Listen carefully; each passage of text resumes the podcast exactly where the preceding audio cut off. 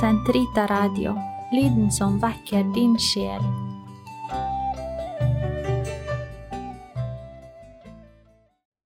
Hei, og velkommen til Katolsk i hodet, episode to Hva er apologetikk?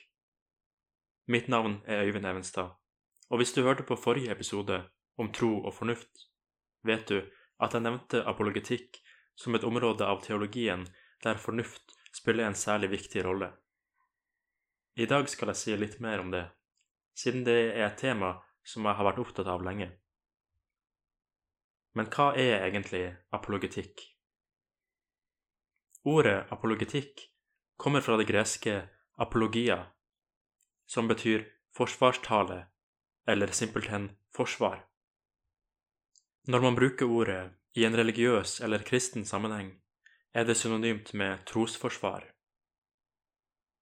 Det handler om å forsvare kristendommen ved å svare på kritiske innvendinger mot den, som vi blir kalt til å gjøre i Peters første brev, kapittel 3, vers 15.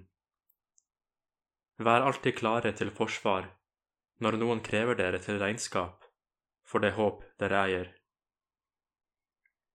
Men det handler også om å gi gode grunner til å tro, underbygd av rasjonelle argumenter.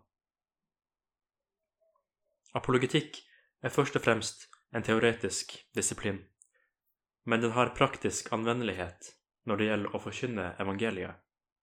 Derfor kan den spille en stor rolle i den nye evangeliseringa, som har vært et spesielt fokusområde for den katolske kirke, siden pave Johannes Paul 2.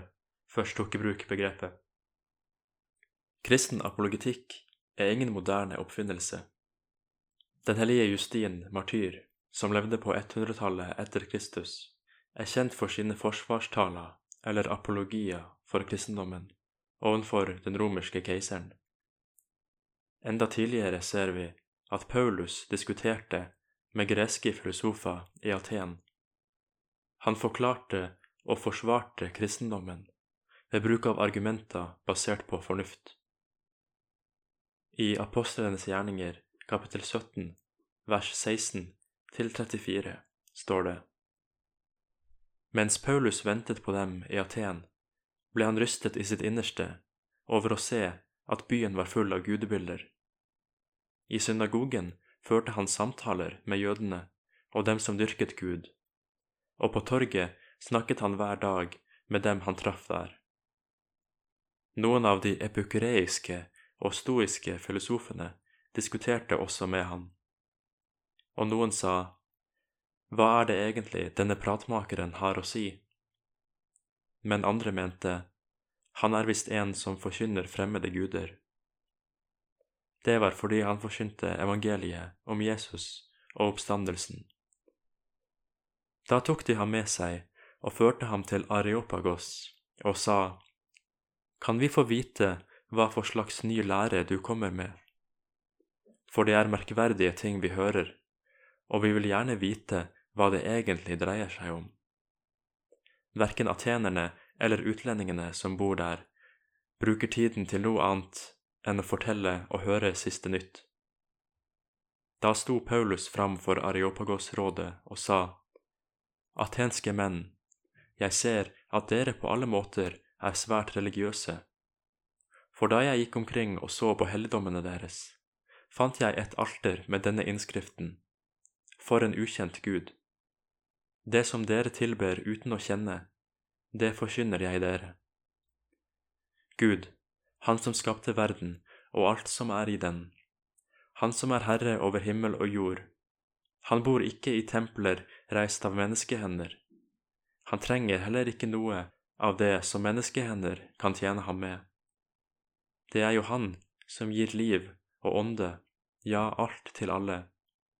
Av ett menneske har han skapt alle folkeslag. Han lot dem bo over hele jorden, og han satte faste tider for dem og bestemte grensene for deres områder. Dette gjorde han for at de skulle søke Gud, om de kanskje kunne lete seg fram og finne ham. Han er jo ikke langt borte fra en eneste av oss. For det er i ham vi lever, beveger oss og er til, som også noen av deres diktere har sagt. for vi er hans slekt. Fordi vi altså er Guds slekt, må vi ikke tenke at guddommen ligner et bilde av gull eller sølv eller stein, formet av menneskers kunst eller tanke. Disse tidene med uvitenhet har Gud båret over med. Men nå befaler han alle mennesker, hvor de enn er, at de må vende om. For han har fastsatt en dag da han skal dømme verden med rettferd. Ved en mann han har utpekt til dette. Det har han bekreftet for alle mennesker ved å reise ham opp fra de døde. Da de hørte om oppstandelsen fra de døde, gjorde noen narr av ham, men andre sa, Vi vil gjerne høre deg tale mer om dette en annen gang. Så gikk Paulus fra dem. Men det var noen som sluttet seg til ham og kom til tro. Blant dem var Dionysios fra Areopagus-rådet, og en kvinne som het Damaris, og noen andre. Det finnes minst tre gode grunner til å drive med apologetikk. Å forme kulturen, å styrke de troende og å omvende de ikke-troende. Her skal jeg si litt om hver av disse tre grunnene. For det første, apologetikk kan forme kulturen. Det er ingen hemmelighet at vestlige samfunn, som Norge, har blitt stadig mer sekularisert, slik at vi i dag lever i det som noen har kalt en etterkristen, eller til og med nyhedensk kultur. De siste årene har det blitt utført spørreundersøkelser som viser at flertallet av nordmenn ikke lenger tror på Gud. Og tallene for den oppvoksende generasjonen er aller mest alarmerende. Det er unektelig sant at man blir forma av den kulturen man lever i. Og mennesker som vokser opp i et sekularisert samfunn, hvor kristendommen blir sett på som en vrangforestilling, i beste fall harmløs og i verste fall farlig, vil absolutt ha vanskeligere for å komme til tro enn noen som har vokst opp i et samfunn hvor det å leve som kristen blir anerkjent som et fullstendig rasjonelt livssynsvalg. I dag er det mange som sier at de like gjerne kunne ha trodd på julenissen eller tannfeen som å tro på Gud. Det finnes like lite bevis for begge deler, sier de.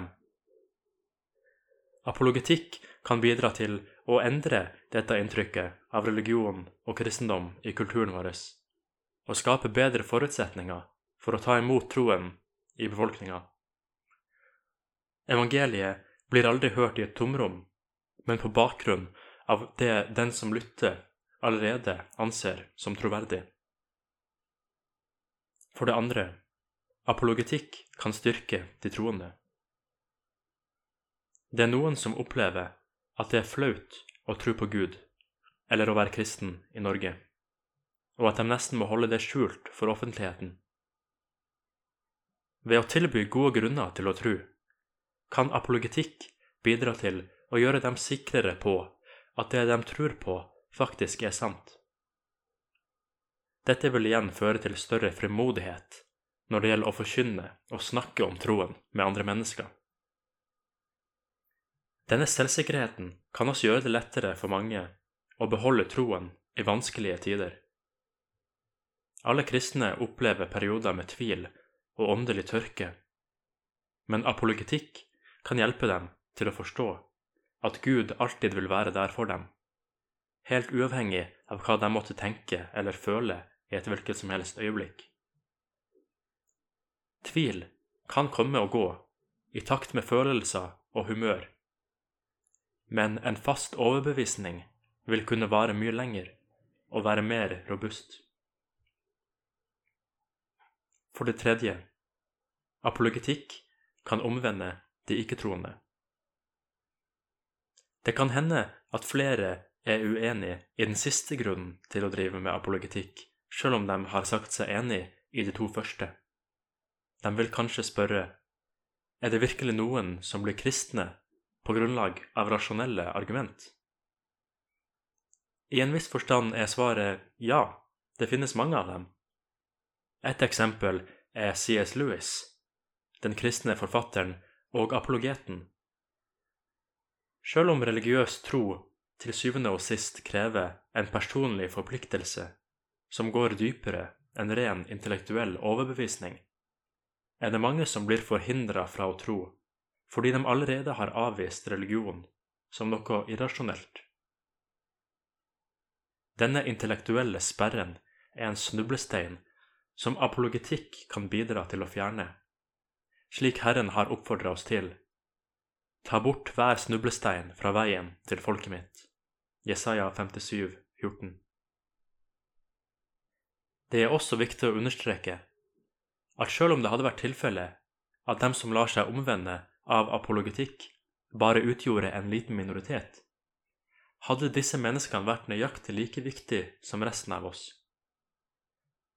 Dessuten er det ofte slik at de som lar seg overbevise av gode grunner til å tro, er mennesker som har stor innflytelse på kulturen. For eksempel lærere, leger, advokater og forfattere som Louis. Tenk bare på hvor stor innflytelse han har hatt på både kristne og ikke-kristne gjennom sitt forfatterskap. Det finnes ulike former for apologetikk. Apologetikk kan deles inn i en offensiv og en defensiv variant. Offensiv apologetikk går ut på å presentere gode argumenter for Guds eksistens eller kristendommens sannhet, og har dermed en positiv oppgave. Defensiv apologetikk handler derimot om å tilbakevise argumenter mot Guds eksistens eller kristendommens sannhet, som blir presentert av ikke-troende, og har en negativ oppgave. Hver av disse to variantene kan igjen deles inn i mer eller mindre spesifikke former for apologetikk. Den minst spesifikke formen for apologetikk blir kalt naturlig teologi og forholder seg til såkalt generell åpenbaring, det vil si det som Gud har åpenbart til oss mennesker gjennom skaperverket. Apostelen Paulus mente at Guds eksistens kunne utledes med sikkerhet fra den verden han hadde skapt. Hans usynlige vesen, både hans evige kraft og hans guddommelighet, har de fra verdens skapelse av kunnet se og erkjenne av hans gjerninger. Romerne 1, 19-20. Det samme ble også fastslått av det første Vatikankonsil i den dogmatiske konstitusjonen Dei Filius fra 1870. Der står det nemlig at Gud, som prinsipp og endemål for alle ting, kan erkjennes med sikkerhet ut fra skaperverket ved den menneskelige fornufts naturgitte lys. Kirken lærer altså at vi kan erkjenne Guds eksistens ved hjelp av fornuften. I Den katolske kirkes katekisme, avsnitt 31, står det at mennesket, skapt i Guds bilde, kalt til å kjenne ham, oppdager i sin søken etter Gud visse veier som fører til kunnskap om ham. Disse kalles også gudsbevis, ikke bevis i den betydning naturvitenskapene legger i ordet, men i betydningen sammenfallende og overbevisende argumenter som gjør en i stand til å nå sann visshet om Guds eksistens. Den hellige Thomas Aquinas er kjent for å ha formulert fem slike gudsbevis, de såkalte fem veier, og argumentasjonen hans har fortsatt stor overbevisningskraft. Jeg skal ikke gå inn på alle fem gudsbevisene i denne episoden, men jeg kan nevne at Thomas sin andre vei, argumentet fra bevirkende årsaker, finnes i forenkla form som forskjellige versjoner av det som kalles det kosmologiske gudsbevis. Her er en enkel versjon av det kosmologiske argumentet for Guds eksistens. Premiss 1 Alt som begynner å eksistere, har en årsak. Premiss 2 Universet begynte å eksistere. Konklusjon Derfor har universet en årsak.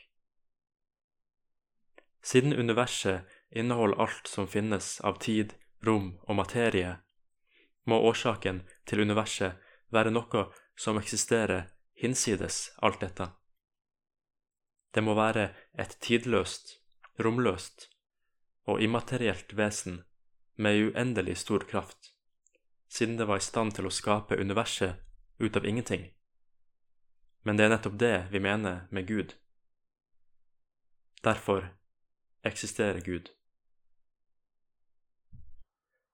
Naturlig teologi er den minst spesifikke formen for apologetikk, fordi den ikke sier noe, eller i det minste svært lite, om hvilken av de store monoteistiske religionene som stemmer overens med sannheten om Gud.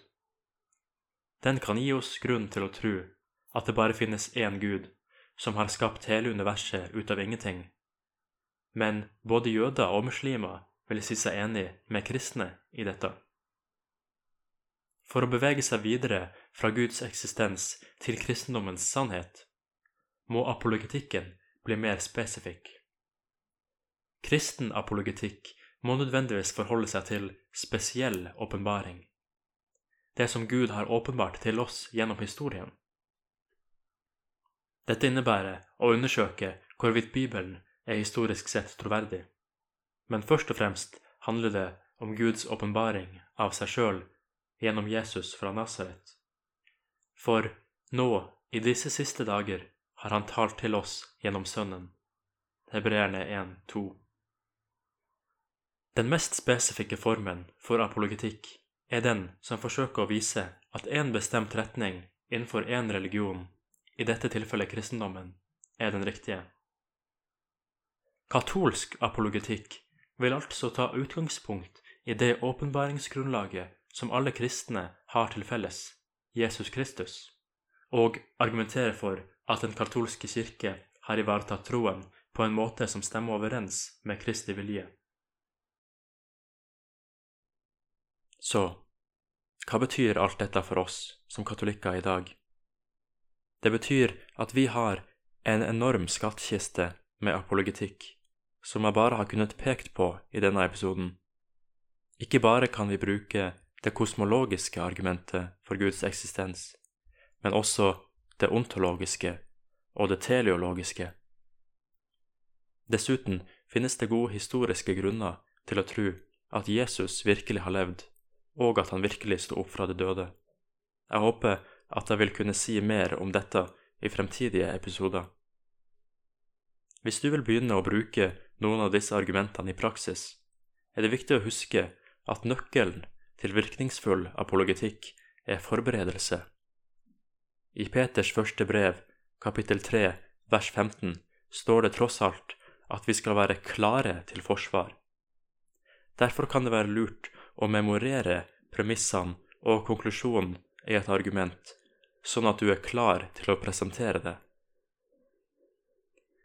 Men husk for all del også på det som står i vers 16. Gjør det ydmykt og med gudsfrykt, så dere kan ha en god samvittighet. Det er vel ingen som liker en arrogant bedreviter. Jeg håper du har fått noe ut av denne episoden av Katolsk i hodet, og at du har det bra der du er. Mitt navn er Øyvind Evenstad. På gjenhør.